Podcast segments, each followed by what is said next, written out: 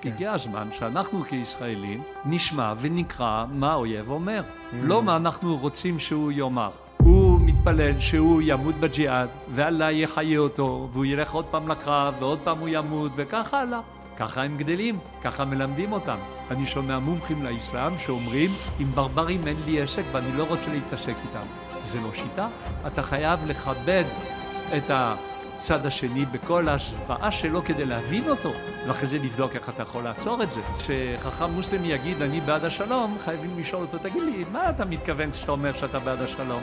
איזה מין שלום זה? שלום שבו כל העולם מוסלמי. כל העולם הוא בשליטת האסלאם. כי לא מלמדים את מה שאני מספר לך, למרות שהכל מתועד וקיים וישנו, לא מלמדים את זה. הסיכוי שמישהו ייקח את התפיסות העמוקות שלו ויזרוק אותם לפח כדי לאמץ גישה שמתחשבת במציאות, כמעט בלתי אפשרי.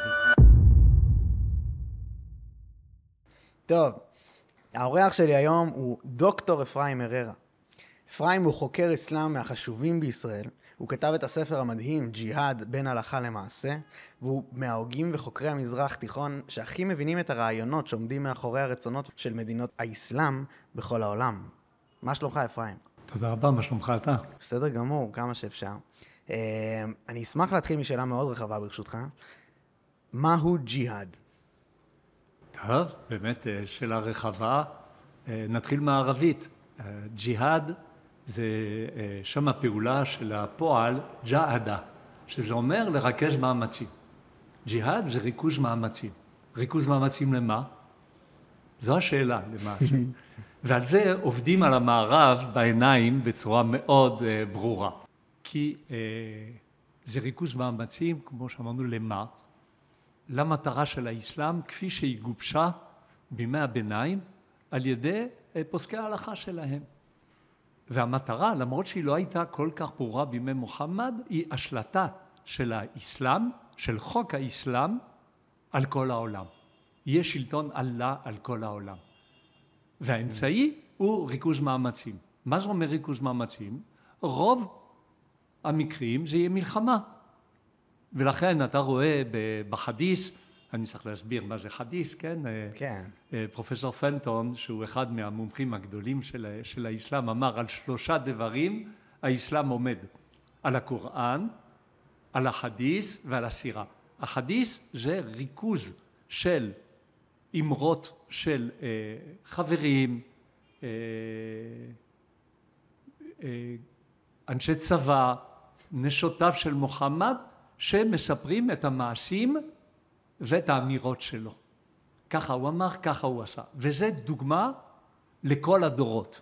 דוגמה לכל הדורות, וזה קובע את ההלכה. כן. ובחדיס הכי מפורסם זה חדיס אה, אל-בוכרי, שנכתב בערך כמאה, זאת אומרת, הובא לכתב בערך מאה שנה אחרי מות מוחמד, יש כיתב אל-ג'יהאד, כמו שיש ספר על האמונה ועל uh, הטהרה ועל uh, השכירות וזה, יש על הג'יהאד, ורוב העיסוק שם הוא מלחמה. הוא מלחמה. מלחמה כדי להשיג את השלטון של האסלאם על כן. העולם בצורה מאוד פשוטה. אמרת על שלושה דברים, אז היה לי חסר, אני אשמח לשמוע על הסירה. כן. סירה זה, זה סירת רסול אללה. סירת רסול אללה זה אומר ההיסטוריה של מוחמד. ויש שני מקורות מרכזיים של אה, אבן ישחק שהוא המפורסם, תורגם לאנגלית על ידי גיום, אני ממציאה אה, לראות אותו, יש לי בן אישם, לא משנה, אה, זה מספר גם על המעשים של מוחמד, מלידתו עד מותו. וגם זה מהווה דוגמה, כי הסומנה, שהיא מרכזת 85 אחוז מהמוסלמים בעולם, והרבה, כן, יותר ממיליארד איש, כן. רק הסונים, סונה זה אומר לחקות את ההתנהגות של מוחמד, כי הוא קובע את הטוב. זה לא טוב מוחלט כמו שאנחנו רגילים ביהדות. כן. ממש לא. זה המעשים שלו. אז לכן זה ריכוז מאמצים. יכול להיות שריכוז המאמצים הוא דרך, לדוגמה, דעווה, הקריאה לאסלאם, או דרך השתלטות אה, בדרכי שלום. לדוגמה, השייח' קרדאווי, שהוא היה לא מזמן, הוא נפטר לא מזמן, היה מנהיג של האחים המוסלמים, החמאס שייך לאחים המוסלמים, עם אה, ספר שהוא כתב על האסור והמותר באסלאם, זה הספר הכי נמכר בעולם המוסלמי אחרי הקוראן. והוא אמר שפעמיים האסלאם נכשל בכיבוש אירופה. ב-732, שהצרפתים עצרו אותם, וב-1683 כשנעצרו אה, על ידי סובייבסקי הפולני בשערי וינה. אז הוא אומר, הפעם השלישית לא חייבת להיות דרך מלחמה, יהיה פתחון סילמיון. זאת אומרת, ניצחון וכיבוש בדרכי שלום. איך דרכי שלום? אה, המוסלמים יגיעו לשם, הם יהיו מספיק אה, רבים, והם יקראו. לילידי אירופה להתאסלם עד שהם ישלטו. כן, ואז אבל... לכן זה יהיה ג'יהאד שהוא לא במלחמה. האמנה של החמאס אומרת שמי שכותב מאמר יפה, ישר ששכנע אה, בצדקת האסלאם, גם זה ג'יהאד. אתה מבין? כן, עכשיו... אני מנסה להבין אבל האם במה שאתה אומר, שג'יהאד אומר, כאילו, אפשר להכליל שלום בתוך ג'יהאד? באופן... 아, רגע, נסביר, נסביר, נסביר. בגדול, בימי הביניים קבעו שהעולם מתחלק לשניים. מה שנקרא דארול אסלאם, דר, בית של האסלאם. מה זה בית של האסלאם? כל שטח שנכבש אי פעם על ידי המוסלמים, גם אם אחרי זה הפסידו אותו, נשאר לעד דארול אסלאם. ויש מקומות שעדיין לא נכבשו על ידי האסלאם, וזה נקרא דארול חרב. הבית של המלחמה, חרב, חרב, זה דומה, זה בית של המלחמה. ומתי יש שלום? כשכל העולם יהפוך להיות דאר אסלאם, ואז זה ייקרא דרוסלם. Mm. אז לכן כשחכם מוסלמי יגיד אני בעד השלום, חייבים לשאול אותו, תגיד לי, מה אתה מתכוון כשאתה אומר שאתה בעד השלום? איזה מין שלום זה? וזה אומר שלום שבו כל העולם מוסלמי. כל העולם הוא בשליטת האסלאם, הוא לא מוסלמי. הבנתי. אתה תרצה להישאר אה, נוצרי, או יהודי, יהודי זה כבר יותר בעייתי, נגיע לזה, כן. אה, יהיה לך מותר אם תסכים לתנאים המשפילים שיהודי אה, חי בהם בשלטון האסלאם. אז... עכשיו, יש נקודה חשובה מאוד, כי אנשי המערב והרבה מאוד מהחוקרים שהם ממומנים על ידי קטר ו... ואחרים מספרים, יש את הג'יהאד הגדול, ג'יהאד הלבבות. זה הג'יהאד נגד היצר, הג'יהאד הפנימי, והוא אמיתי. הוא קיים מראשית האסלאם. יש ג'יהאד כזה. כמו שאצל היהודים כי תצא למלחמה על אויביך, ברור שפשט התורה הוא אומר אה, מה קורה כשאתה יוצא למלחמה, וחכמי החסידות וחכמים אחרים אמרו זה המלחמה נגד היצר הרע שלך. בסדר. אממה, אתה לא תמצא אף חכם אה, בעל שיוך קומה בכל תולדות האסלאם שיבוא ויגיד שהג'יהאד הזה של הלבבות בא במקום הג'יהאד הקטן שהוא המלחמה. להפך, יש סימביוזה, יש סינרגיה בין השתיים. וככה פוסקים הגדולים מהמומחים שלהם, מהחכמי האסלאם, שהיו גם בנגלה וגם בנסתר, כי הזרם הסופי, שהוא הזרם המיסטי של האסלאם, דגל בג'יהאד הלבבות.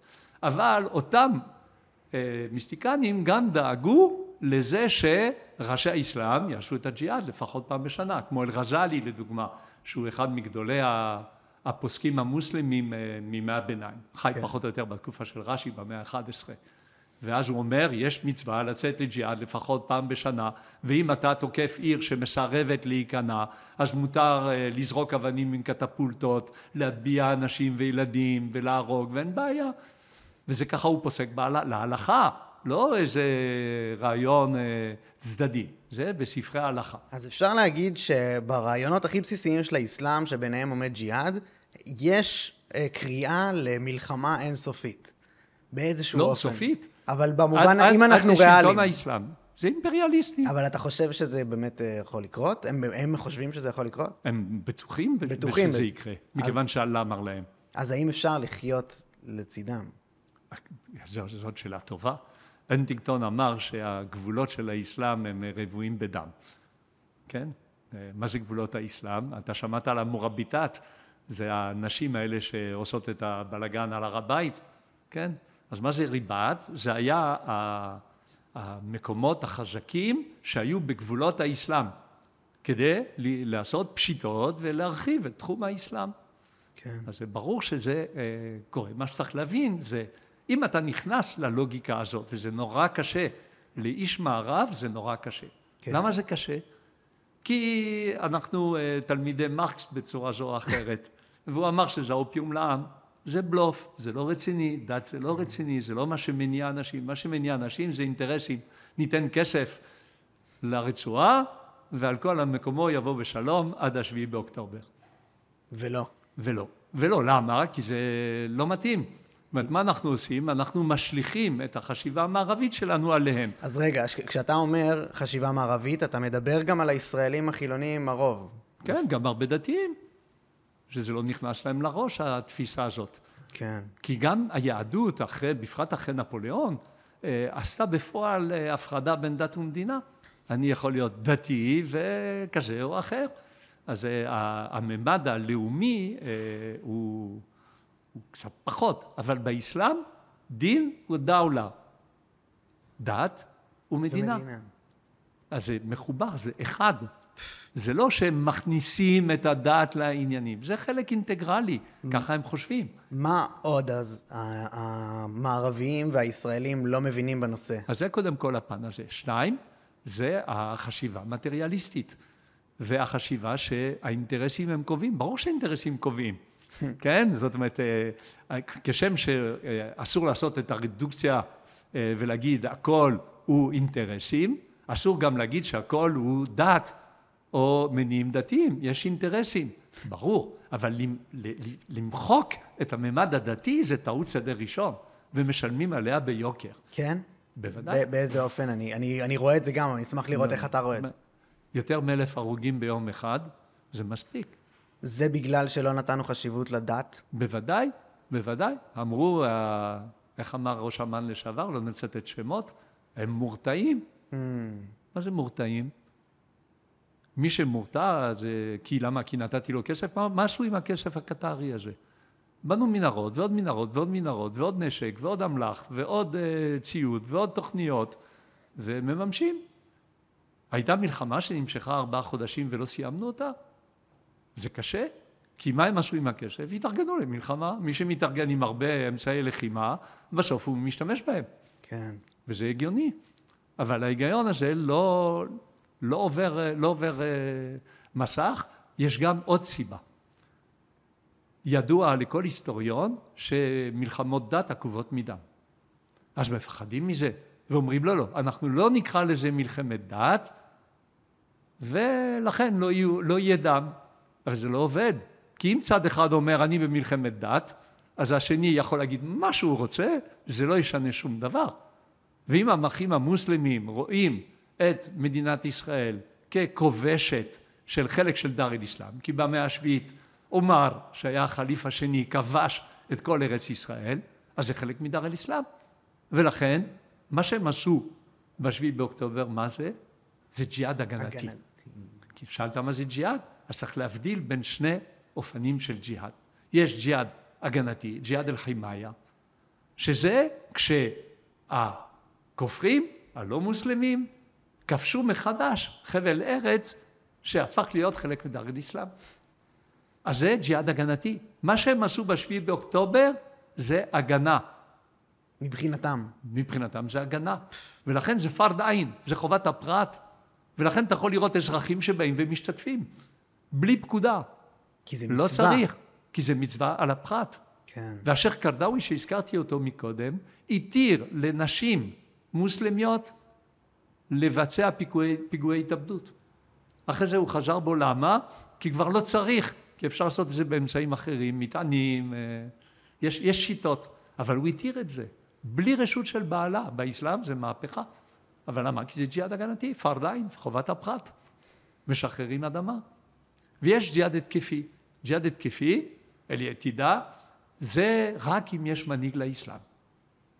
אם אין מנהיג לאסלאם, אתה לא יכול. זו הסיבה שהמדינה האסלאמית, דאעש, היא משכה אליה כל כך הרבה אנשים. כי הייתה הנהגה. כי, איך קראו למנהיג הראשון?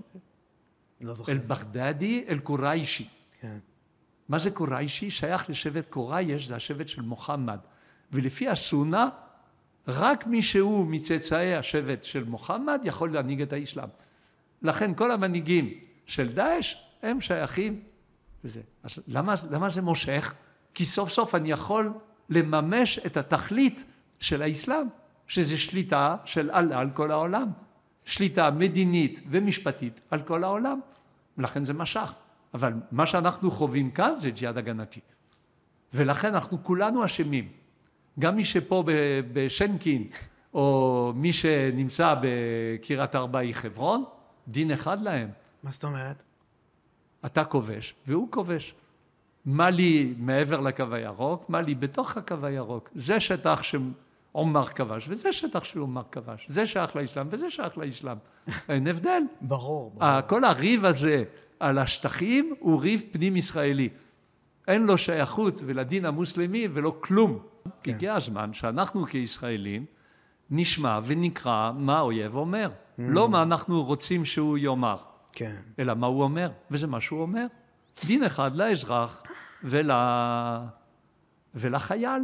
זה מוסתעתינת תל אביב, זה אומר אה, התנחלות תל אביב, זה מוסתעתינת אה, קריית ארבע. מה לי זה, מה לי זה, לא אכפת לי. כן. את זה צריך לשחרר, ואת זה צריך לשחרר. דין אחד להם, אין שום הבדל. אני מבין. עכשיו, על השאלה הראשונה שלך, על הג'יהאד, עכשיו נשאלת השאלה, והיא המחלוקת בין הזרמים השונים, איך עושים אותו. התכלית, תכלית אחת, השלטת האסלאם על העולם. תכלית אחת לחמאס, לג'יהאד האסלאמי, לחיזבאללה, אה, לדאעש, לאל-קאעידה, כולם מסכימים, לפתח, כולם מסכימים. השאלה היא באיזו דרך נגיע לתכלית הזאת. ועל זה יכול, יכולים להיות ריבים פנימיים, פיתנה אדירה בין הזרמים השונים. כן. וכשמישהו יבוא ויגיד מה שעשה החמאס, אם מוסלם יבוא ויגיד מה שעשה החמאס בשביעי באוקטובר זה מנוגד לאסלאם, חייבים לשאול אותו, תגיד לי, במה זה מנוגד? אז לא הצליח. זה לא השיג את השיטה שהם דגלו בה, היא לא שיטה טובה. וואו. היא לא יעילה. אז אתה מסכן, אתה מגיע להפך. כי אחרי זה היהודים האלה המשוגעים באים והורסים לנו את אה, עזה וכובשים, אז זה, זה לא בסדר. ב... אבל אם אתה מסתכל על מה שאמר השייח' אה, טייב, השייח' טייב הוא הרקטור של אוניברסיטת אל-אזהר בקהיר. אוניברסיטת אל-אזהר בקהיר זה מוסד ותיק, כן, מימי הביניים, שהוא למעשה המקור הסמכותי ביותר, אין סמכות אה, רשמית באסלאם, אין אפיפיור, אבל זה המקור הסמכות של ההלכה באסלאם בכל הדורות. והשייח' טייב תמך בפי, ב, ב, ב, בתקיפה של השביעי באוקטובר. יש התאחדות אל-איתיחד אה, אל-עלמי לעולמה אל-מוסלמים. זה ההתאחדות העולמית של חכמי האסלאם, שיושבת גם בקטר וגם באירלנד. והם אה, הוציאו פתווה, פסק הלכה, מיד אחרי, חודש בערך אחרי השביעי באוקטובר, שהם אומרים, מה שעשה החמאס טוב עשה, וזה מתאים להלכה, ויש חובה על ארבע המדינות המוסלמיות שגובלות בישראל, מצרים, לבנון, סוריה וירדן, לצאת למלחמה כדי לסייע לחמאס. זה גדולי הפוסקים של הדור. זה מה שהם קובעים. לא אפרים מררה אומר. כן. זה מה שהם אומרים, זה מה שהם כותבים. אז מי לא מבין נכון מה זה ג'יהאד? אנחנו. נכון, ואנחנו לא רוצים להבין, כן. מהסיבות ש... שמניתי קודם.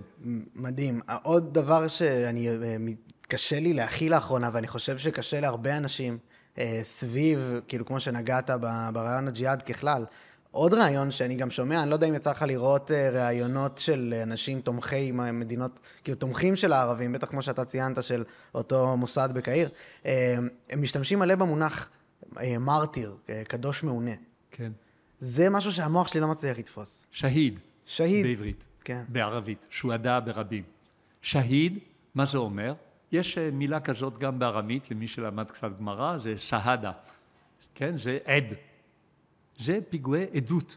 במוות שלו הוא מעיד על צדקת האסלאם. וכמו שאמר הנביא, מוחמד, הנביא שלהם, כן, לדעתם נביא, אה, גן העדן הוא בצל החרבות. ככה באל-בוכרי שאמרתי מקודם, כן? והוא אומר את זה כשהוא ליד האויב והוא הולך לתקוף אותו. ככה זה מובא בכיתב אל-ג'יהאד בסכיח אל-בוכרי. ואז יש כשמאמנים את מבצעי פיגועי ההתאבדות, אז אה, משנים להם פסוקים וחדיס, שלדוגמה אחד מהם, מי שמת בג'יהאד, כן, ישר מגיע לגן עדן, ועם הבתולות, ועם כל ההנאות, לעד, וגם הוא מתפלל שהוא ימות בג'יהאד, ואללה יחיה אותו, והוא ילך עוד פעם לקרב, ועוד פעם הוא ימות, וככה הלאה. ככה הם גדלים, ככה מלמדים אותם, בכל ספרי הלימוד, כן. ברשות הפלסטינית. יש את לא החלק רק הזה, ברצועת עזה. יש את החלק הזה, וה- ש- שהמילה שהיד גם, הקונוטציה השלילית בו מאוד בולטת, אבל אני מדבר אפילו על אימהות, ששמעתי בהקלטות מסוימות שאומרות על הילד שלהם ש- שהלך, בוודאי, כי הוא מגיע, ל, הוא מגיע, הן ל, הן שמחות מזה. הוא מגיע לגן עדן מיידית, והוא מת על קידוש אללה. זה מטורף. זה, זה, ככה הם לומדים, אז- וככה האמונה שלהם. עכשיו, אתה יכול להגיד זה מטורף, זה לא בסדר וזה, כן, יש הרבה פעמים, אני שומע מומחים לאסלאם שאומרים, לא מעניין אותי, זה ברברי. עם ברברים אין לי עסק ואני לא רוצה להתעסק איתם. זה לא שיטה. זה לא שיטה. אתה חייב לכבד את הצד השני בכל הזוועה שלו כדי להבין אותו, ואחרי זה לבדוק איך אתה יכול לעצור את זה. אבל אה, כן. אה, לעשות denying, לסרב, להכיר בעובדות, ברגע שגדלת ככה, ככה גדלת, וככה אתה מאמין, ו... ואתה בטוח בזה. יש דרך לעצור את זה או להתמודד כן. עם... כן, יש דרכים. יש כמה דרכים שחייבים, כדי להבין אה, את הפתרונות, אבל חייבים להבין את הבעיה. אני מהנדס במקור, אז אני, זה הכלל הראשון בהנדסה. יש בעיה, קודם כל ת, ת, תתאר לי נכון את הבעיה. אחרי שאתה מתאר נכון את הבעיה, בוא נבדוק פתרונות. אבל לדבר על פתרונות בלי לנתח את הבעיה, לא יעזור שום דבר. בדרך כלל, זאת אומרת, בצורה מקרית אתה לא תגיע, כן. ואנחנו נכשלים פעם אחר פעם. אז איך אתה מנתח את הבעיה? הבעיה היא שיש, אתה מול עולם, מול עולם מוסלמי שרוצה לחסל אותך. מי, מי האויב שלנו? בוא נשאל עכשיו, מי האויב שלנו? שלנו. נגד מי אנחנו נלחמים כרגע? שלנו המדינה היהודית כן, ישראל. כרגע לכאורה, מי יורה עלינו? חמאס, חמאס יורה עלינו, חיזבאללה. חיזבאללה יורה עלינו, והחוסים יורים עלינו, נכון? כן. עכשיו, בוא נסתכל אחד-אחד. נתחיל בחיזבאללה. איפה הוא? בלבנון? לבנון מדינה ענייה בטירוף, עם אה, חוב לאומי אדיר, 150 אחוז מה, מהתוצר.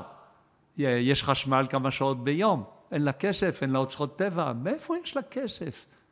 מאיפה יש לחיזבאללה את כל הנשק שלו? מאיראן. החוסים בתימן, המדינה הכי ענייה בעולם. 75 אחוז מתחת לסף העוני, זאת אומרת אה, סף עוני אובייקטיבי, כן? אה, אולי דולר וחצי, כמה דולרים ליום, כלום. מאיפה יש להם נשק שמגיע אה, מתימן עדנו, שצריך אה, כיפות ברזל וחץ אה, כדי לעצור אותם? מי נותן להם? איראן. איראן, נכון? עכשיו, חמאס. תגידי, איזה אוצרות טבע יש בעזה, חוץ ממלפפונים ודגים? הייתי שם, מכיר. מה יש? כלום. מאיפה הכסף? קטר? מיליונים. קטר, קטר. נכון? אז קטר ואיראן, שמזוהות עם האחים המוסלמים. שלא, לא. קטר מזוהה עם האחים המוסלמים והוא מממן אותם, ויש לו את הכלי, השופר הגדול האדיר שלו, שזה אל-ג'זירה. כן, אתמול אה, הורדנו רגל לאבו עמר, העיתונאי שתיעד את הזוועות ב-7 באוקטובר, והוא עיתונאי, ועדיין אל-ג'זירה פועל פה. הם יכולים לשדר מכאן, מתל אביב, בלי בעיה. שיגעון. כן. הם המממנים את הזוועות האלה, ואנחנו משתמשים בהם למשא ומתן? נראה לך סביר? זה הזוי. ממש. ויש להם מיליארדים, והם מממנים את האוניברסיטאות בארצות הברית ובאירופה, שאחרי זה יבואו ויגיד אפרים אררה מסלף את האסלאם. הם לא יגידו איפה אני מסלף, כי הם יודעים כמוני שאני לא מסלף, אבל הם מקבלים משכורת אה, משם, אז מה יעשו? אז, אז הבעיה, כפי שאתה רואה אותה, היא שאנחנו נמצאים בתוך מלחמת דת ולא מכירים את- בזה. כן, בוודאי, בוודאי, ואנחנו לא פועלים בהתאם. ויש יש דרכים בלי להיכנס לנושא של מלחמת דת, אבל יש גם דרכים שהן עמוק בתוך מלחמת הדת. כי באסלאם אמרתי שהדגם זה מוחמד, והוא קובע את ההלכה. המעשים שלו קובעים איך אני מצחצח שיניים באסלאם, לפי מה שמוחמד עשה. כן. וכל דבר הוא כזה. איך אני מתפלל, איך יש יחסי אישות, הכל זה לפי מה שמוחמד קבע. עכשיו, מוחמד קבע שיש מקרים שבהם המוסלמים פטורים מג'יהאד. יש פטור. הפטור הזה הוא חלקי, הוא זמני, אבל אפשר לחדש אותו. נזכיר מקרה. אה, יוהניסבורג, אה, שנות התשעים, ערפאת, אחרי שהוא חתם עם ישראל על הסכמי אוסלו, חתם, החתימו אותו בכוח, אה, הוא מדבר שם במסגד בז'ניסבורג ואומר את ההסכם הזה שעשיתי עם היהודים עשיתי כמו שמוחמד עשה בחודייביה. עכשיו מה זה חודייביה? מוחמד רצה לחזור למכה לעשות עומרה, לעשות את ההקפות האלה של הקאבה אבל הוא הפסיד בקרב לתושבי מכה אז הוא צריך אה, למצוא אה, תחפולה איך הוא, איך הוא יעשה, אז הוא חותם איתם הסכם. בהסכם הזה הוא לא מוזכר כנביא. הוא לא יבוא באותה שנה, הוא יבוא רק לשנה אחרת, רק הוא עם נשק, כל מי שיבוא איתו בלי נשק. ועוד תנאים משפילים, עד שהגנרלים שלו אומרים, איך אתה חותם על זה? הוא אומר, אל תדאגו. והוא הולך, והוא חותם על הסכם של אי לוחמה עשר שנים. בתוך אותם עשר שנים, הוא עושה כל מיני פשיטות ומלחמות, מתעשר, מתעצם, ושנתיים אחרי זה הוא כובש את מכה ללא קרב בראש עשרת אלפים חייל. הפרה חד צדדית. זאת אומרת, כשהאסלאם חלש, מותר לו לחתום על הסכם עם האויב, בתנאי שהוא יהיה מולבל לעשר שנים, כי זה ככה עשה מוחמד, ובאותו זמן הוא יתחמש ויתעצם עד שהוא יוכל לאויב.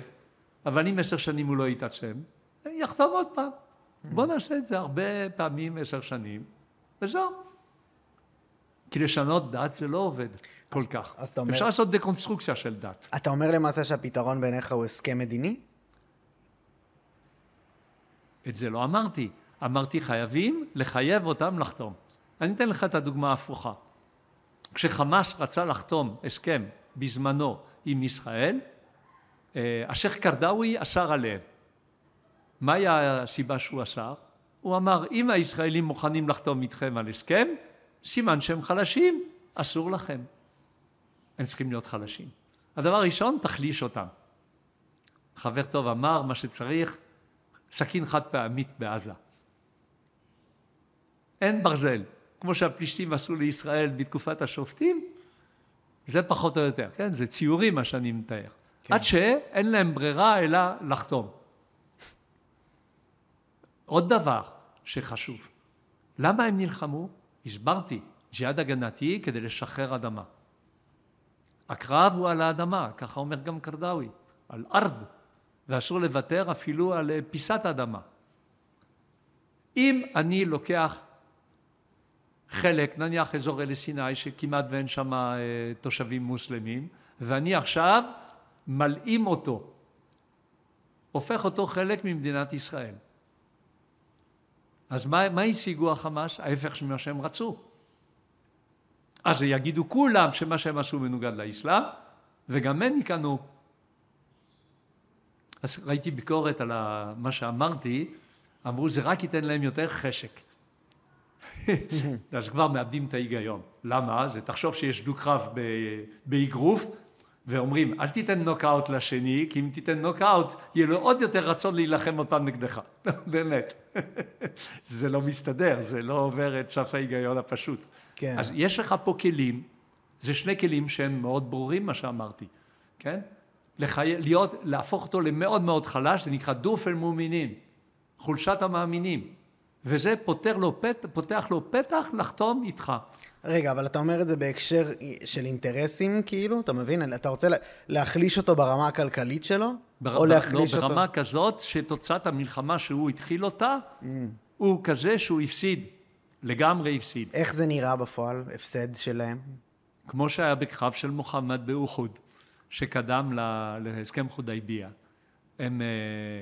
הבני קורייש האלה שנלחמו במוסלמים, כיסחו להם את הצורה, הרגו להם 70 איש והשאירו את מוחמד, זאת הייתה הטעות, פצוע קשה, עד שהיה לו דם על העיניים והוא לא ראה כלום. ואז הוא הבין שאין לו שום מוצא אחר מאשר דיפלומטיה. ואנשי קוריאה שהיו טיפשים, כי הם חתמו על הסכם בלי לבדוק שהוא לא מתחמש. כן, ישבו שאננים. אז זה אומר... צריך ב... להיות כל הזמן ער. בשפתנו, בשפת. המלחמה הנוכחית הזאת, מה זה אומר ברמה זה אומר, אה, אה, עד החמאסניק האחרון, להילחם ולכבוש ול, ולשלוט בצורה מלאה, ואתה לא חייב להישאר אחרי זה שם, אבל להביא למצב שהם הפסידו קומפלט, ואם אתה לוקח חלק מהאדמה הזאת של אה, עזה, בלי תושבים, לא צריך להיכנס לריף פנימי פה, מה אתה עושה? אתה מוסיף מוסלמים פה למדינה, כן. וזה, לא, תעזוב, לוקח רק שטח ריק מאדם. נניח הקילומטר הראשון, גם אה, יש איזה טעם ביטחוני טוב, אז זה השיג את ההפך. כולם יגידו, כל המוסלמים יגידו, מה שעשה חמאס מנוגד לאסלאם. כל מה שאתה אומר נשמע לי מאוד הגיוני. אה, אני חושב שההנהגה הנוכחית לא תפעל ככה, והיא יותר מונעת מיחסי חוץ בהקשר הזה, כי אולי יש השלכות כאלה על כיבוש, כמה בסגנון. זה לא רק ההנהגה. אתה מדבר פה על ההנהגה הפוליטית, אבל זה גם נכון לצבא, זה נכון לשירותי הביטחון השונים, זה נכון לאוניברסיטאות, כי לא מלמדים את מה שאני מספר לך, למרות שהכל מתועד וקיים וישנו, לא מלמדים את זה, פשוט פס על זה. והסיכוי שמישהו ייקח את התפיסות העמוקות שלו ויזרוק אותן לפח כדי לאמץ גישה שמתחשבת במציאות, אה, היא כמעט בלתי אפשרית. זאת אומרת, אם אין אה, חילופי גב רציניים מאוד בכל הרמות וגם במדיה, כן, כולם מבקרים את הממשלה, בצדק, הפשלה היא של הממשלה אה, ושל העומד בראשה ברגע שהדבר הזה קרה תחת המשמרת שלהם, אבל הם גם תמכו בהעברת כסף קטרי לעזה. וגם uh, קראו למשוגעים ומשיחיסטים למי שאמר שזה מסוכן וצריך לטפל בראש הנחש הזה. אז התקווה שישנו דיסקט, יש, יעזבו את הקונספציה, היום ראית מה עושים? עושים רדוקציה לקונספציה. מה זה קונספציה? זה כל מי שלא חושב כמוני. כן, המילה הזאת. ואז יש לי קונספציה שגויה כי אני לא חושב כמוה, אבל הקונספציה הייתה ברורה. לא לקחנו את הממד של ה... הטענות של האויב עצמו והשאיפות של האויב, כפי שהוא כותב את זה, הוא כותב, הוא כותב גם דברים יותר גרועים. סוף שנות ה-80, מנשר של האחים המוסלמים בעזה, שואל את השאלה הבאה, אם אללה כל כך אוהב אותנו, איך זה שהוא נתן ליהודים לעלות ממאה מדינות לפה? איך יכול להיות? הוא אוהב אותנו, אוהב אותנו המוסלמים, לא את היהודים הבזויים האלה. מה התשובה? זה יעזור לנו לחסל אותם בבת אחת, במקום לחפש אותם בכל מדינה. אומייגד. Oh עכשיו, המקום של היהודים באסלאם, אם לא לומדים אותו, אז uh, יש טעות סדר ראשון, ולא מלמדים. אם תיגש למוזיאון האסלאם, לדוגמה בירושלים, אתה תראה שאת זה הם מחקו. וכשאתה הולך ושואל, אז בורחים. כי היהודים היו הראשונים שהתנגדו לאסלאם. מוחמד מאוד רצה שהיהודים יכירו בו כנביא. למה? כי אנחנו היהודים אומרים שיש אה, דבר האל אל האדם. נבואה זה המצאה יהודית כמעט. אז uh, הוא רצה לקבל גושפנקה, לא נתנו לו. הוא תקף את השבטים היהודים, בטענה שהם uh, נלחמים בו. זה רק מגילויים של אללה, לא לפי נתונים של השטח. אז הוא נלחם בהם. אז הם אויבי האסלאם מההתחלה. דבר נוסף, אנחנו רצחנו את מוחמד. אנחנו רוצחי נביא האסלאם. יש איזה סיפור גדול איך זה קרה, אבל לא משנה הרבה. ואנחנו אה, גם אה, עובדי אלילים. אנחנו עובדים את עוזייר, שהוא היה אה, עזרא נביא, כן, שכביכול בא וחידש לנו תורה והפכנו אותו לאל. ולעתיד לבוא, בקרב האחרון של האסלאם, הוא יהיה בין המוסלמים ליהודים. בראש היהודים יעמוד הדג'אל, איזה אה, דמות מוזרה כזאת, מכוערת, עם עין אחת באמצע המצח, וצבאות האסלאם יבואו, יילחמו ויחסלו את היהודים. אז אני שומע כמה דברים. אחד זה שבחינוך שלנו אנחנו לא נותנים מקום ל... באמת לדת ולכמה היא חשובה בעיני המוסלמים ובאיזה לא מקום רק אנחנו... בחינוך, גם בהערכות המדיניות, בהערכות כן. האסטרטגיות. אם אתה לא מכניס את מה שהאויב שואף אליו ולמה הוא מתכוון ומה הוא רוצה ולמה הוא שואף, ואתה תדביק עליו דברים שהם לא שייכים למציאות, אז תיכשל. זה חתום שתיכשל. כן. וזה פה בעיה שהיא נוגעת לכל השכבות, וצריך לעשות דיון רציני איתם, מה זאת אומרת? דיון רציני איתם? ללכת לראש אמ"ן ולהגיד לו, למה לא התחשבת? הוא יגיד לך שהם היו מורתעים בעיניו. אבל למה, מה- בטח יש אה, אה, ענף ג'יהאד או ענף אה, חמאס, למה ההערכות האלה לא, לא הובאו? נכון? כי אם זה היה מובא, מה היית עושה? מה היית עושה? כל טיפת התראה, אתה, אתה ישר שולח כוחות, באוטומט, לחיצה על כפתור. כן? זה פשוט אה, בלי לחשוב. מה צריך אה, דיון אה, בלילה, או לחזור לישון או לא לחזור לישון? לא צריך, כי אתה יודע מה המגמה, ואתה יודע שהם יעשו את זה גם אם יהיו להם הרבה הרוגים. כי מה עשו? אתה מכיר את המדרש על עמלק? יש מדרש על עמלק שאומר שלמה זה משול? לישראל שהייתה אמבטיה רותחת. ובא עמלק, נלחם בהם, הפסיד, אבל הפך את האמבטיה לפושרת. זאת אומרת, אה, עכשיו אויבים אחרים יכולים להילחם בישראל. אותו דבר עשה החמאס עכשיו.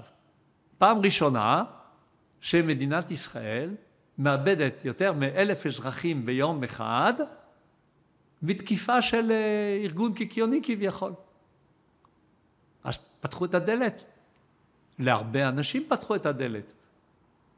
כן. הלכה ההרתעה. ואתה אבל חושב... על חוסר הבנה של הדבר הזה יכול לקרות. כי אחרת ההיגיון המערבי אומר, מה פתאום הם יעשו את זה? יאבדו אה, כל כך הרבה. מה פתאום? כן, יעשו, גם אם עכשיו הלכה רצועת עזה. אז מה? הראו משהו. כל עוד לא תחזור להיות חזק מאוד, ומראה לכולם שאתה חזק מאוד, אז אתה לא. אז אתה לא, והבוקר יכול חיזבאללה לירות על צפת, בגלל שאנחנו לא נראים חזקים? בגלל שאנחנו לא חזקים. כן. אנחנו חזקים, אבל אנחנו לא, כי לא מממשים. כן. לא מממשים. אתה עושה נסיגה חד צדדית מלבנון. אז מה אתה חושב שיהיה שם? שיכבדו 1701? ואתה רואה שהם לא מכבדים, ומה אתה עושה? כלום. אתה מכיר את הנסיך של אה, מקיאוולי? לא. ספר של מקיאוולי היה יועץ של אה, נסיכי ונציה, כן? והוא מלמד את הנסיכים איך לנהל אה, מדינה. מקיאוולי, כן, זה נשמע לא טוב, אבל בסך הכל מה הוא אמר להם? חבר'ה, יש מוסר ויש מדיניות, ומדיניות מדי פעם אתה צריך לעשות אחרת. בתחילת הספר הוא מזכיר את רומא. הוא אומר, הרומאים, האימפריה הרומית, אף פעם לא ויתחה. אם יש מרד איפשהו, על ההתחלה שלו, הוא מדכא אותו. לא נותן לזה להתפתח, וזה מה שאפשר לו לשחות. ומה עשינו אנחנו? נתנו לחמאס להתעצם, ונתנו לחיזבאללה להתעצם, ועכשיו אנחנו עם בעיה גדולה. עבדך נאמן, לפני הרבה שנים, כשהיו לו רק שערות שחורות על הראש, אה, שמר על עזה כקצין עם חמישים חייל. על גוש קטיף? על עזה, על עזה עצמה. עזה. איך יכול להיות? היה. אומרים לי זה לא אותו דבר. למה לא אותו דבר? כי נתתי לעשב השוטה הזה להתפתח ולהפוך להיות יער. כן. אז רגע, אז דבר ראשון, החבר'ה שעכשיו, שאתה אומר שכולם אה, באמת אשמים בהנהגה בכל השכבות, אתה, האם אתה לא חושב... מעניין אותי אשמה. לא, ברור, מעניין, אבל- מעניין אותי העובדה שיש טעות בסיסית בתפיסה. שינוי תפיסה, זה מה שחשוב. והתפיסה, הם לא יכולים לשנות. הם לא יכולים לשנות מהרבה סיבות, חלק שהתחלנו בהן. כן, של- ברור, אבל אם הם לא ישנו, אז זה נשמע לי כמו סוף מדינת ישראל. לא, כי יש עוד אה, הרבה אה, אנרגיות פנימיות של המדינה ושל העם הזה. מה אתה עוד חושב? אז? הרבה אנרגיות. אתה העם חושב הזה הוא אופטימי. כן, אנחנו המדינה המערבית היחידה עם אה, ילודה שהיא אה, מקיימת את האוכלוסייה שלה. מה זאת אומרת? אתה צריך כדי לקיים אוכלוסייה שמספר הילדים לאישה יהיה 2.1, 2.2. בשוויץ פחות מ-1.5. אבל אנחנו לא מדינה מערבית. אנחנו כן מדינה מערבית. מה, אתה לא רואה פה בחוץ? אתה לא רואה פה את האור? אתה רואה את המיקרופונים? אבל אנחנו, נמצאים אתה, במזרח התיכון. אתה במזרח התיכון, אבל אתה מדינה שעובדת לפי הכללים של הדמוקרטיות המערביות. יש לך בחירות נורמליות. לא זו הבעיה? מה? אה, אני לא אומר שאני הייתי רוצה לא, פה מדינה לא רוצה, אחרת. אתה לא רוצה משטר אחר. זה לא מה רוצה? שאני אומר. אני אומר, אבל אולי בבסיס של הרעיון יש בעיה. של מדינה מערבית, פה. אתה צריך להיות מדינה מודרנית, אין ספק. האם אתה צריך להיות רק מערבי? ודאי ש... שלא. אבל האם הערכים החיובים של המערב הם טובים? ודאי, הם באו כולם מהיהדות. כן, אבל אולי אין לך פה בעיה עם זה. הם גורמים לזלזל באויב. לא, זה לא מה שגורם לזלזל באויב. אם אתה תסתכל לדוגמה, שאתה מזכיר לי, על הדוחות של הקצין, קציני המודיעין הצרפתים באלג'יר במאה ה-19, ואפילו עד ראשית המאה ה-20, אתה רואה את הלמדנות שלהם באסלאם. הם מדברים איתך על זוויה כזאת ואחרת, הסופית, ומה ההיגיון שלה, ואיך היא חושבת, ומה היא תעשה. הם מבינים, הם מבינים את האויב לעומק, והם מתחשבים בזה. אז הבעיה היא הבורות. הבעיה היא ההכחשה, ההתכחשות, והחוסר הרצון להבין את הממד הזה. ואז אומרים, מה, אני אעשה רדוקציה, הם ברברים, אני ארביץ להם על הראש אה, וזהו. אבל זה לא, אנחנו רואים שזה לא קורה. כי מרביצים על הראש, ואחרי זה נותנים עוד פעם ל- לראש הזה להתפתח. כן. מה, נגעת מקודם במילה קונספציה. רוב מה שהציבור מרגיש שהקונספציה הוא העניין של המערביות במזרח התיכון. זה לא, זה לא מה שקרה. מה שקרה ב... עם החמאס, הוא הובא בתקופת המפא"י כמשקל נגד לפתח, ואחרי זה גם הימין המשיך בקו הזה. אבל לא רצו להבין, כי החמאס יודע לעבוד. השלבים שלו בכיבוש המערב הם ברורים. מתחילים מהגרסרוץ, מהאוכלוסייה, ואז אם יש פשע וזנות וזה, הם עושים סדר. ואחרי זה הם מכניסים לבית ספר ומלמדים אותם את הג'יהאד הזה, ובשלבים כובשים. כן. אז בהתחלה זה נראה טוב. הם מתקנים את ההריסות, בונים בתי ספר, בונים בתי חולים, ככה הם, הם הגיעו לשלטון במצרים. זו, זאת הדרך. הם, הם עבדו יפה, ואנחנו נפלנו לפח הזה, כי לא רצינו, כל מי שקורא את חסן אל-בנא ואת אה, מייסדי האחים המוסלמים, יודעים את השלבים האלה. לא נופלים בפח של אה, אנחנו אה, רודפי שלום. כן. אני חושש שזה לא עומד להשתנות, וההנהגה עומדת להישאר בורה בהקשר הזה, בגלל האינטרסים שלה. מי אני- שנכנס לקיר, אז אה, כן, יכאב. בדיוק. יש שתי דרכים, או שאתה רוצה להבין דרך האוזניים, או שתבין במכות, אז המכות יהיו קשות. אין, אין פה, אין פה אה, כן, נשמע אבל קסמים. שאתה, אתה פחות מסתכל על זה כמשבר קיומי. זה לא קיומי, לא, אלא יהיו מכות כי- כואבות. כי כמו- הקיום של עם ישראל הוא קיום... אה, שמע, אנחנו שרדנו את פרעה ואת הבבלים ואת האשורים ואת הרומאים ואת הנאצים, אה, מי לא? ואת כן. הצלבנים, שרדנו, אבל זה היה לנו ביוקר. רב. מי כן. שהיה קורא את היטלר לפני, הוא אמר את מה שהוא רוצה. והרבה הבינו וברחו. אבל הרבה לא הבינו ולא ברחו, והתוצאה היא בלתי נמנעת. אז בעיניך יש הצדקה פשוט קיומית ל- ל- לקיום של מדינת ישראל פה. בלי תלות, מה, אני תלוי במה שהמוסלמים חושבים עליי? מה, אתה כמו סארטר? אתה חושב שמי שמגדיר את היהודי זה הצד השני, הלא יהודי מגדיר אותו? לא, יש לי תוכן. תוכן עתיק יומין. אבל אמרת שהערכים שאתה מעריך הם ערכים דמוקרטיים של המערב. לא רק, לא רק. יש לי עוד ערכים, כן. שהם יהודים, בסיסיים, והרבה ערכים של המערב באים מאיתנו. אנחנו רוצים חברה צודקת. מאיפה זה בא? מה, קראת בנביאים? אתה קורא את ישעיהו, זה ברור. חזון של שלום. והלכו עמים רבים ועמכו ונחו ונעלה וכיתתו חרבותם לעיתים וחניתותיהם למזמרות, למשברות, לא יישא גוי אל גוי חרב ולא ילמדו עוד מלחמה. אבל אנחנו כרגע דווקא עם בעיה מול המערב. הבעיה של כל הגישה של הווקיזם היא בעייתית, מכיוון שהיא לא רוצה מדינות. היא אומרת, המדינה היא השורש של המלחמות. כן. בזמן שזה טעות, מה ששורש של המלחמות זה האימפריאליזם. זה כשמדינה רוצה להתפשט. אנחנו לא רוצים להתפשט. ביהדות, בבסיס, אתה לא רוצה לכבוש את העולם.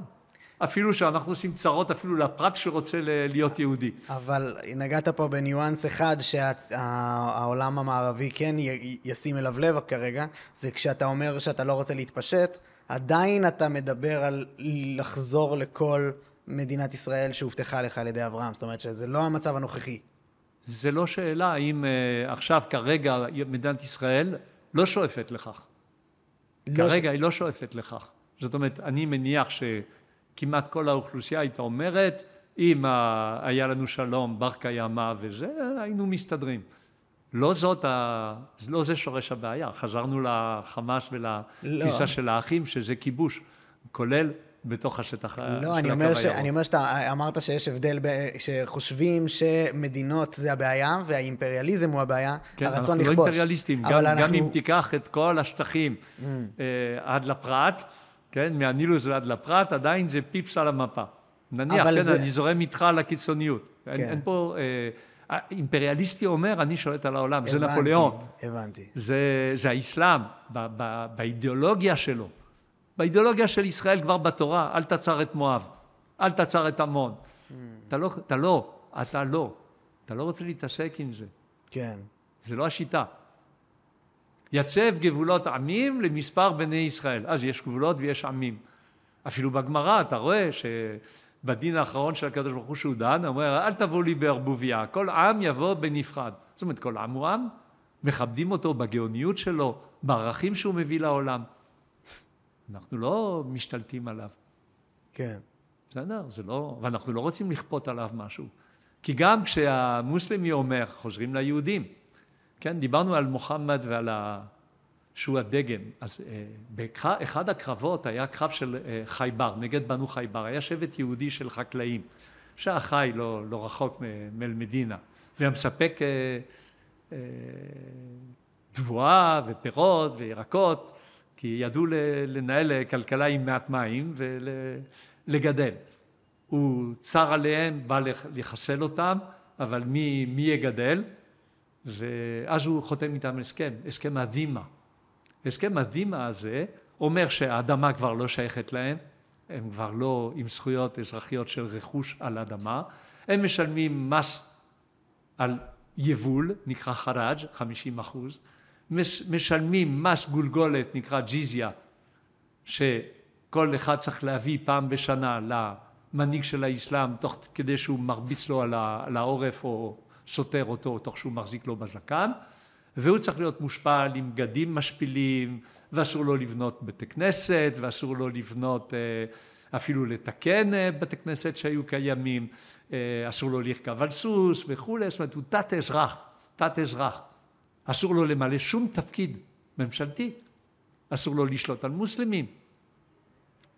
אז כשאומרים היהודים חיו טוב תחת האסלאם, תציע לאותו מוסלמי שאומר את זה, טוב, נעשה כזה דבר.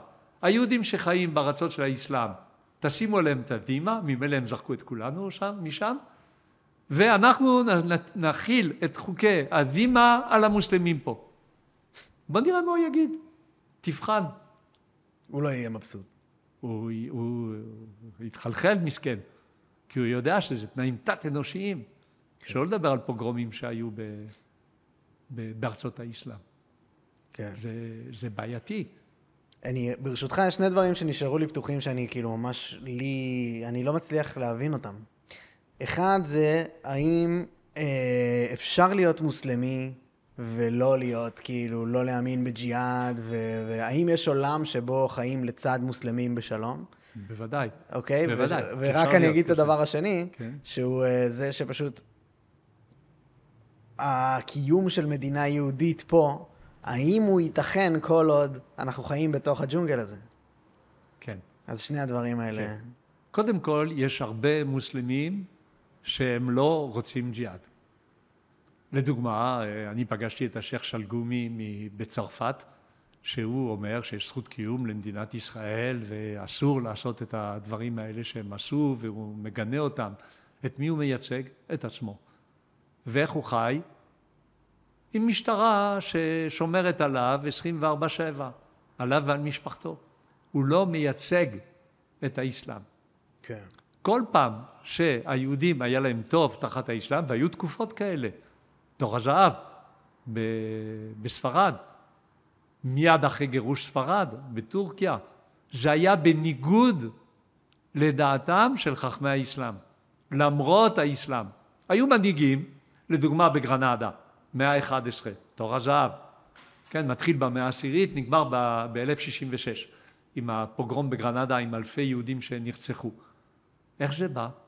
היה מנהיג ברברי על הטאיפה של גרנדה, על הסולטנט של גרנדה, והוא לא היה כל כך דתי, והוא דאג שיהיה לו כלכלה טובה ורופאים אמינים וזה, אז הוא לקח את חשדאי בן שפרות ואחרי זה שמואל הנגיד וכל האולמה אמרו מה פתאום? אסור לך, יש חוקי דימה, אסור שיהודי יהיה מנהיג ויהיה וזיר, יהיה שר בכיר, השר הבכיר אצלך, ראש ממשלה וגם רמטכ"ל כמו שהיה שמואל הנגיד, אז הוא אומר אני מצפצף עליכם, אמרו אנחנו נילחם בך, אמרו תילחמו ושמואל הנגיד נלחם את מלחמות גרנדה והצליח. אז תור הזהב היה קיים למרות האסלאם. אז זה הנהגה. אז זה יכול להיות. כמו איחוד האמירויות היום.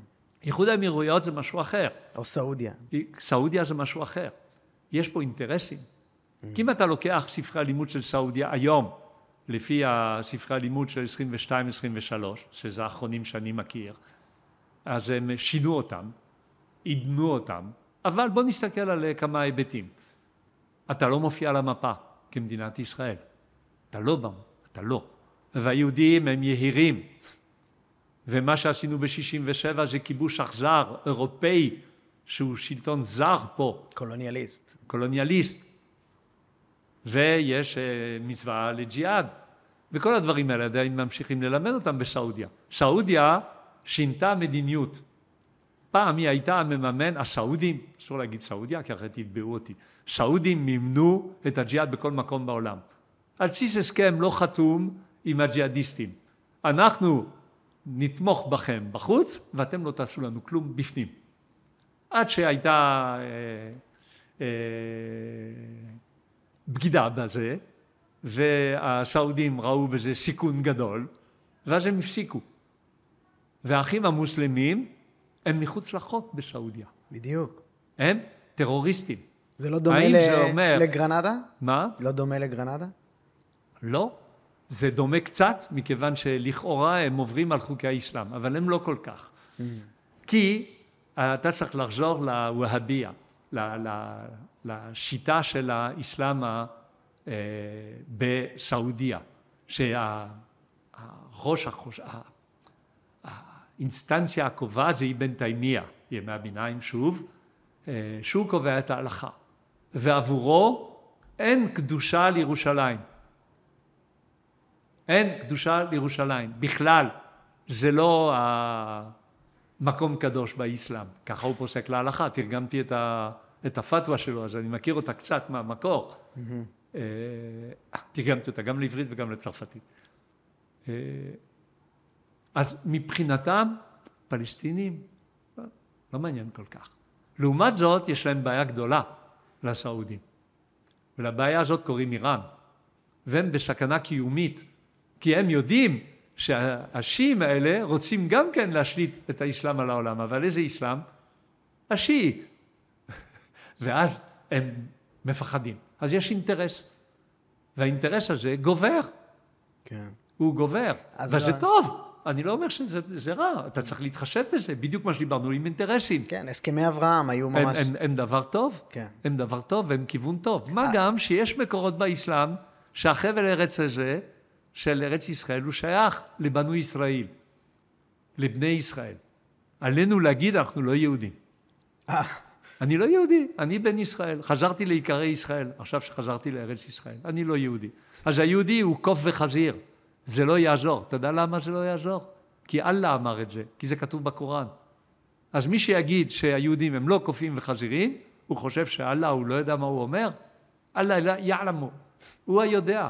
אז מי אתה שתכפור בזה? אז תשובתך לשתי השאלות שלי היא שאפשר לחיות פה בג'ונגל הזה, כי הנה לדוגמה... אם אתה מכיר את כללי הג'ונגל. ואתה רואה, לדוגמה, את המדינות כמו סעודיה. כן. ש... אל תעשה שלום עם, ה... עם הזאב, ואם אתה עושה הסכם שלום עם הזאב, אז אה, תדאג לזה שהוא יהיה קשור בחבל ולא יגיע אליך אה, בכל צורה שהיא, ו...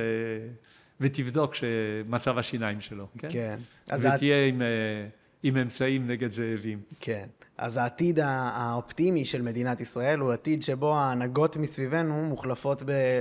במקום רדיקליות בהנהגות מתונות. לא ברור. תסתכל על כל הסיפור הזה שבא ויגיד, ברגע שהם עוזבים את הדת אז הכל נפתר, אה, נאסר, מה היה? בהתחלה היה מקורב לאחים המוסלמים, אחרי זה הוא רדף אותם באכזריות שאין לתאר, כן? ומה, הוא לא רצה לחסל את מדינת ישראל? עם הרפובליקה הערבית שלו? ודאי שרצה, כי זה נשאר בגנים. Mm-hmm. איך אמר פעם אה, הרב שרקי לדוגמה, כן? אתה חילוני של דת מסוימת. כן. צרפתי הוא חילוני של הנצרות. כן. אז נאסר הוא חילוני של האסלאם. זה לא ערובה. זה לא ערובה. מה שכן אתה יכול, דיברנו על אה, דרכים, ולא הזכרתי דרך מאוד חשובה. והיא מעוגנת בהסכמי אוסלו. אסור ללמד שנאה של היהודים. אסור. הם חתומים על זה. מה זאת אומרת? בהסכמי אוסלו. מה זאת אומרת אסור ללמד שנאה של היהודים? אסור ללמד ג'יהאד נגד היהודים. כי זה שנאה. איפה אסור. זה מופיע? בהסכמי אוסלו. אה... לך תבדוק. פעם משרד החוץ הקים מדד כזה, מדד כזה. שבודק עד כמה יש הסתה נגד היהודים. אסור, אסורה הסתה גם לנו וגם להם, אבל זה מה שהם מלמדים. כולל זה... בבתי ספר מוסלמים בארץ. אתה אמרת ערבים, כן? כתבנו לענייני ערבים. Mm-hmm. כמה הם אחוז מהמוסלמים הערבים? לא מאה? עשרים אחוז. אה, הנוצרים... הערבים הם עשרים אחוז מהמוסלמים בעולם. פקיסטני הוא לא ערבי, טורקי הוא לא ערבי, איראני הוא לא ערבי. אז כשכתבנו לענייני ערבים מדבר על טורקיה, על פקיסטן ועל איראן, מה הוא עושה? הכחשה של האסלאם. נקרא להם ערבים. הם לא, מה זה משנה? זה עובר טוב. הסכמי אוסלו היו דבר חיובי? היו קו חיובי? אתה חושב שזה... לא, אני, אני לא אומר שהסכמי אוסלו היו טובים. התנגדתי להם, ו, וכשאמרתי אל תיתנו להם רובים, אז... אה, אני לא רוצה להגיד לך באיזה כינויים כינו אותי. וכשאמרתי שהם יירו מעזה, אז אה, גם כן, משוגע וזה, וקיצוני ופשיסט וזה, ואתה שונא שלום, וזה, לא, מה, אבל זה המציאות. אני לא עוזר. זה לא עוזר, כי זה נגד האידיאולוגיה, אבל האידיאולוגיה מתפוצצת מול המציאות. העולם הזה לא משתף איתנו פעולה. זה, זה כלל גדול. אז זה לא נוגד את העיקרון של לעשות איזשהו הסכם דיפלומטי פה? ו... לא, אתה יכול לעשות הסכמים וזה יכול להיות דבר טוב, אם אתה אה, יודע אה, שההסכם הזה הוא יכול להיות בעייתי, כמו שאמרתי עם חודייביה, שהם יכולים להפר אותו באופן חד צדדי ברגע שיהיו מספיק חזקים, כי זו התפיסה שלהם, כן. של הסכם, לא מחייב, בסדר? ועכשיו מה שדיברנו על הסיפור הזה של החינוך לשנאה, חייבים לטפל בזה. וגם, אם אנחנו רוצים להיות ישראל, דיברנו על ערכים שהם מעבר לדמוקרטיה מערבית, אנחנו ביהדות, מבחינת תפיסה של דת, יחידים שאומרים שהמוסר מחייב, מחייב אותי הלכתית. לדוגמה בנצרות, לא המוסר מציל אותי. מה שמביא אותי לישועה זה האמונה באותו איש. אני צריך להתנהג טוב, זה יפה, אבל זה לא מה שמביא לישועה. יכול להיות אחד ששמר באושוויץ והוא מאמין בישו, הוא ינצל. ואותו יהודי שנשאר יהודי שם, לא. זה התפיסה בנצחות. עכשיו, ב, ב, אנחנו יכולים לבוא ולהגיד, בואו נראה את המדינות מסביב פה, מה הן עושות?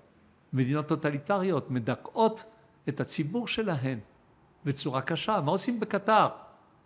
מתוך אה, שתיים וחצי מיליון איש, שלוש מאות אלף הם אזרחים, כן. והשאר זה פועלים שמענים אותם. לוקחים להם את הדרכון ואחרי זה אני לא רוצה לתאר את מה שקורה, לרוב, כן, אפשר להכליל. ו- וזה בעייתי, אנחנו יכולים לדבר בשם המוסר המוחלט, שהיהדות לימדה את כל העולם. אל תעשה רע. האסלאם אבל לא מאמין בו. מה אכפת לי? אני צריך להגיד את הדברים. כן. ואני יכול עם זה לשכנע אנשים טובים בכל העולם. פשוט לחילונים ממש קשה לתפוס את הרעיון של, של לצאת לקרב כמו שהם יצאו בשביעי לעשירי, עם ידיעה שאני עומד למות כי זה המוסר הטוב. זה כן, קשה זה לי... לא מסתדר. זה לא מסתדר. היה אה, חלידי בן אל-וליד, אחד מהגנרלים של מוחמד, כשהוא היה בא לכבוש עיר, כן, כי הרי הוא היה בא אליה והוא קורא לה להתאסלם. תתאסלמו, או שנילחם בכם. ואז הוא אומר, ותיזהרו, אנחנו אוהבים את המלחמה ואת המוות כשם שאתם אוהבים את החיים ואת ההנאות. אמר את זה עכשיו אחד ממנהיגי החמאס, זה כתוב באמנה כן, שלו. ודאי, הם חוזרים על זה. כן. זו אמרה שהיא אה, ידועה, מופיעה בטברי, בהיסטורון טברי, מביא אותה. היא ידועה, אז זה לא... התפיסה. אז אה, תתרגל, אז אתה לא רוצה להתקשר, אתה מתכחש למציאות. אין כן. קיר לפניי ואני אסע ישר 150 קמ"ש, מה יקרה לך? תמות. נו, בבקשה, זה מה שאתה רוצה, תעשה. כן. אבל זה לא, זה, זה לא פותר בעיה. התכחשות לבעיה איננה פותרת אותה. אז הפתרון הוא להפסיק קודם כל להכחיש. להכיר את הבעיה, לראות את הממדים שבהם אני יכול לפעול כדי לפתור אותה. ואמרתי, יש חלק שהם פנים מוסלמיים של חולשת המאמינים, וזה נוגד את האינטרס של האומה, זה מה שנקרא מסלחה בערבית, של אה, אם אני איבדתי שטח בזמן שרציתי לשחרר שטח, זה מנוגד לאינטרס, לכן אני נוטש.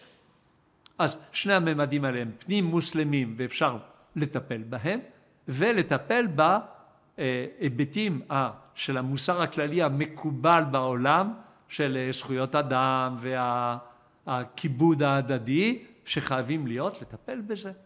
לדוגמה, ברשות הפלסטינית, הייתי בבית לחם, יותר מ-80% מהאוכלוסייה הייתה נוצרית, היום פחות מ-5%. איפה הם? תסלמו?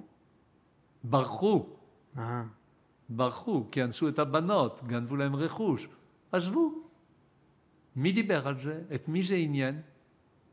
לא את המערב ולא אותנו. זה לא יפה. נכון? כן.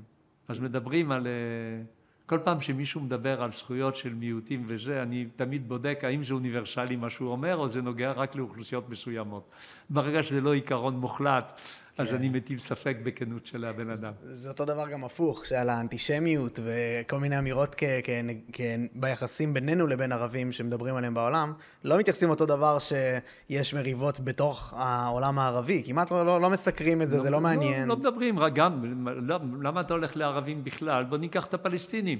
כן. הסורים זרקו עליהם כן. חביות מלאות בחומר נפץ, על המחנות פליטים של, אה, של הפלסטינים בסוריה. שמעת על הפגנה אחת בעולם? לא. שום דבר. למה? כי זה מוסלמים, הורגים מוסלמים. מי זה כן. מעניין? זה לא מעניין. זאת אומרת, זה אה, סלקטיבי. ממש. אז זה לא, זה לא עובד. מטורף. אותו דבר ירדן, אותו דבר מצרים. אותו דבר ירדן, אותו דבר מצרים. הייתה תקיפה הבוקר של החיזבאללה, כן, חיזבאללה זה המפלגה של אללה, כן, זה מופיע בקוראן, אה, מול אה, חיזבאל סייטן של המפלגה של השטן. זה ארגון שיעי. הקשרים בין השיעים הלבנונים לשיעים באיראן הם בני מאות שנים. מה זה השיעה? ומה ההבדל בין הסונה לשיעה? אמרנו סונה 85% מהמוסלמים, אז זה משאיר מעט, אבל כמה מאות מיליונים, מעט מאות מיליונים של שיעים בעולם, בעיקר באיראן, קצת בבחריין, קצת בפקיסטן, הרבה בלבנון. התפיסה שלהם, קודם כל, מאיפה באה החלוקה הזאת? היא באה עם מות מוחמד.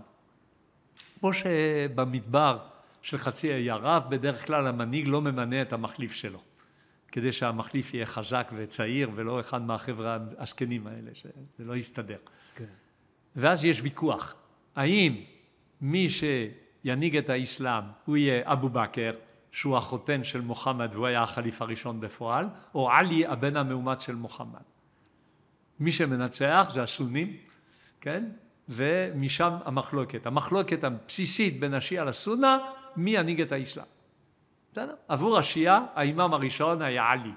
הבן שלו, חסן, היה השני. הבן שלו, חוסיין, השלישי. וכך הלאה, 11 אימאמים. מה מאחד את כל האחד עשר האלה?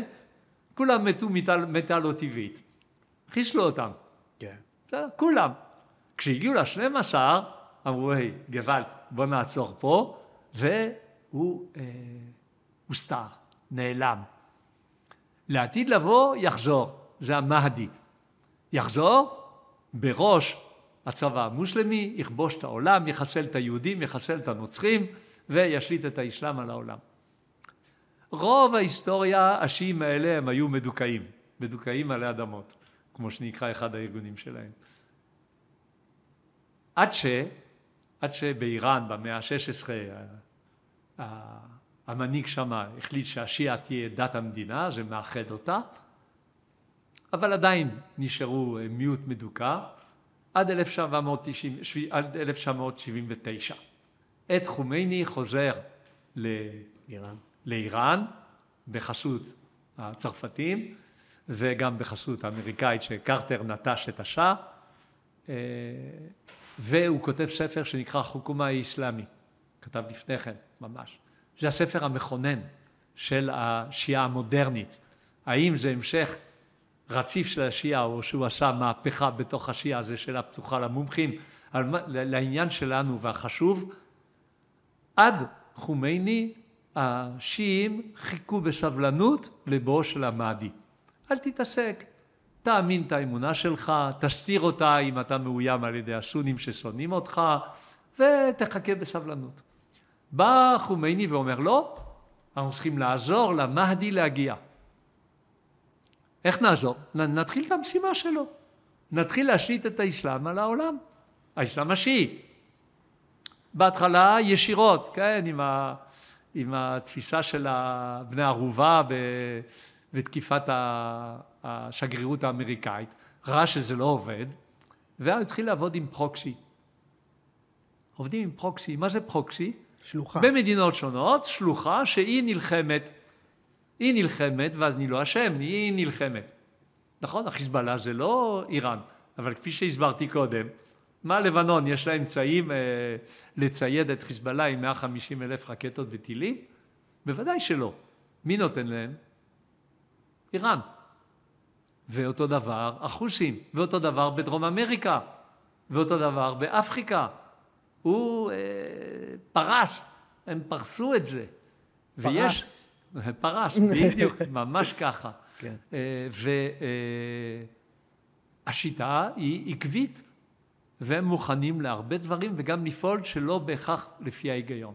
כי בשיעה זה ביסוד של קרבלה, של אה, האירוע המכונן הזה שבעשירי הם פוצעים את עצמם בחודש מוחרם, כן, על מותו של, אה, של חוסיין.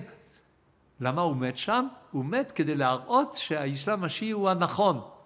והזה של מואביה, זאת אומרת הסונים שהיו באותה תקופה, הם כופרים, הם לא אמיתיים, זאת אומרת הם מוכנים למעשים לא הגיוניים כדי להראות את צדקת הדרך שלהם. זה יכול לקרות, הם גם פועלים לפי אינטרסים, אבל מדי פעם אה, גולשים לדברים לא הגיוניים. כמו שקרה במאה ה-19 שאיבדו שטחים לרוסיה. אה, השיעה הזאת מאיימת עלינו איום קיומי. אם אתה פותח את אותו ספר של חוקומה האסלאמי, הוא תורגם לאנגלית, על ההתחלה הוא אומר האויבים של האסלאם זה היהודים. ככה פותח חומייני. ואם אתה לוקח את החוסים שבתימן, הרי אין, אין יהודי, אין אף יהודי היום בתימן, אין לנו סכסוך גבול, אין לנו כלום. מה הסיסמה של החוסים? אתה מכיר? זה הולך ככה, אללהו אכבר, זה הראשון, לא צריך לתרגם. אל מאות לאמריקה, המוות לאמריקה, אל מאות לישראל, המוות לישראל, אל לענה אל אל-יהוד, זה אומר, קללה של אללה על היהודים, אל נאסר לאסלאם, הניצחון לאסלאם. זאת אומרת, הלב של החוסים האלה זה לחסל את מדינת היהודים ואת היהודים. ואת אמריקה. וזה במימון של איראן, שאין לה סכסוך איתנו, סכסוך גבול וסכסוך כלכלי ולא כלום, זה רק אידיאולוגיה. איפה אינטרסים? בין הסונים לשיעים, מי יותר אז אה, קיצוני או רע? שניהם, שניהם אותו דבר בהיבט הזה, שניהם עם אותה מטרה. השאלה היא, כל הזמן היה ריב ביניהם. כל ההיסטוריה זה ריב ביניהם, ולרוב סונים מכסחים את הצורה לשיעים. אותו שייח' קרדאווי שהזכרתי, הציע הצעה לשיעים. הוא אמר, חבר'ה, יש לנו כרגע אויבים משותפים. בואו נישאר בינתיים סחבק בינינו. אתם לא תטיפו לאסלאם השיעי אצלנו הסונים, אנחנו הסונים לא נטיף לאסלאם השיעי אצלכם, ניפטר מהאויבים ואחרי זה נגמור את החשבונות בינינו. הם לא קיבלו את זה, אבל בפועל זה פחות או יותר מה שקורה.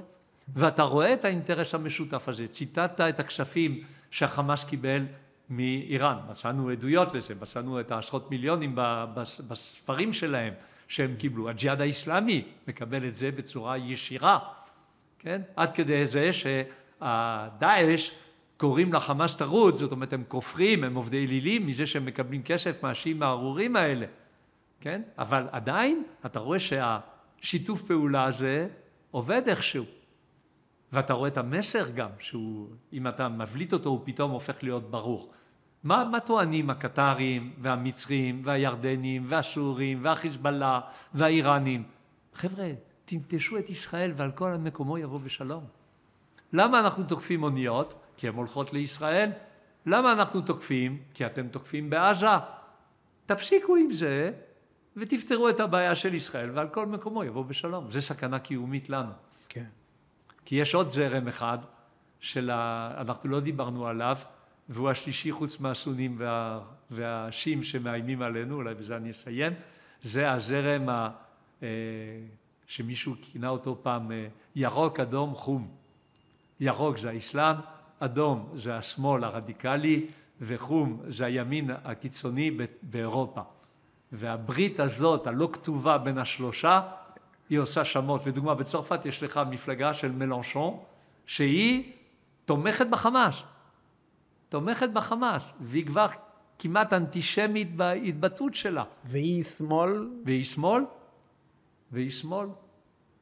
אז, ואז אמרת אבל ימין קיצוני. ואתה רואה ב, ב, בסקוטלנד או באירלנד, שזה הרבה פעמים נוצרים אדוקים, שהם בצד של החמאס. נכון, הם מאוד תומכים. אבל אמרת נכון, ימין... ואמרתי את, ה, את ההתאחדות הזאת של האולמה שהזכרתי מקטר, הם גם יושבים באירלנד. כן, אבל באירופה לא אמרת ימין קיצוני?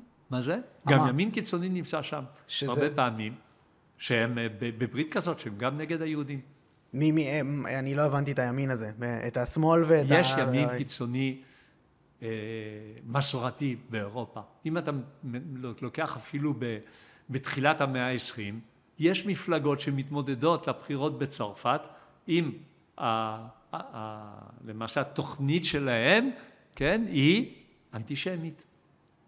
האנטישמיות צריך להיפטר מהיהודים. ימין, קיים. אתה מתכוון פשיסטי נאצי. כן, פשיסטי נאצי או פשיסטי נוצרי. הבנתי. אדוק. שאם הם הווירוס ישראל, אז אה, מה אנחנו פה? כל עוד היינו מושפלים, אז אנחנו מעידים בשפלותנו, כן, זה אגוסטינוס ותומאס איש אקווינו, כן. בשפלות של היהודים בארצות נכר, זה מעיד על, אה, על צדקת הנצרות. אבל אם פתאום חזרנו פה ואנחנו מדברים פה לבושים יפה ושקטים, אז זה סימן שהנצרות לא, לא צודקת. אז אחד הפתרונות זה בוא ניפטר מהיהודים דרך, ה, דרך ישמעאל. אני לא יודע אם ראית, היה עכשיו ראיון של פוטין עם טאקר קרלסון. שממש כאילו מסוכר מאוד והגיע להמון מקומות. אחד הרגעים שם פוטין אומר באופן ישיר שהם לא יפסיקו את המלחמה עד שהם לא יטהרו את אוקראינה מנאצים. כן. על, על הנאצים האלה הוא מדבר? על, על ימין קיצוני? אני לא יודע להגיד לך, לא, לא קראתי ולא עיינתי. כי הרבה תראה, מהפרופגנדה פוטין, של רוסיה. פוטין, אה, תראה, רוסיה, האורתודוקסיה הרוסית, הנצרות האורתודוקסית הרוסית היא אנטישמית עמוקה, עמוקה. אז היסודות האלה מרוסיה הם קיימים. פוטין גדל עם, אה, ליד יהודים וזה, אז הייתה לו חיבה. האינטרסים יגברו אצלו, כן. אה, אבל הנצרות הרוסית היא קשה. אבל מה שדיברתי זה על המערב. כן, הוא מדבר נראה לי על, כביכול על אותו, כן. אותה, אותה נצרות רדיקלית, כן. זה דעתו. מעניין. Uh, טוב, Uh, כן, אנחנו יכולים לסיים פה. Uh, זה באמת היה מרתק, אני, המוח שלי פה נמס מרוב מידע. ממש מדהים. Uh, ממש תודה רבה לך שהתארחת, אפרים הררה. Uh, לפני שאנחנו מסיימים, אני כן רוצה להגיד על, ה, על הספר, שאתם uh, יכולים לקנות אותו ב, uh, אצל רועי יזוביץ' באתר. בגרסה הדיגיטלית. בגרסה הדיגיטלית, אין אותו יותר למעשה, הוא, נכון. הוא נחטף. אה, כן, טוב, אז, אז שתדעו, אנחנו נצרף לזה גם לינק למטה, אז ככה שמי שמעוניין לרכוש את הספר זו הדרך. אה, זהו, ממש תודה רבה. תודה רבה. תודה שהתארחת, תודה לכל מי שהאזין או צפה, נתראה בפעמים הבאות.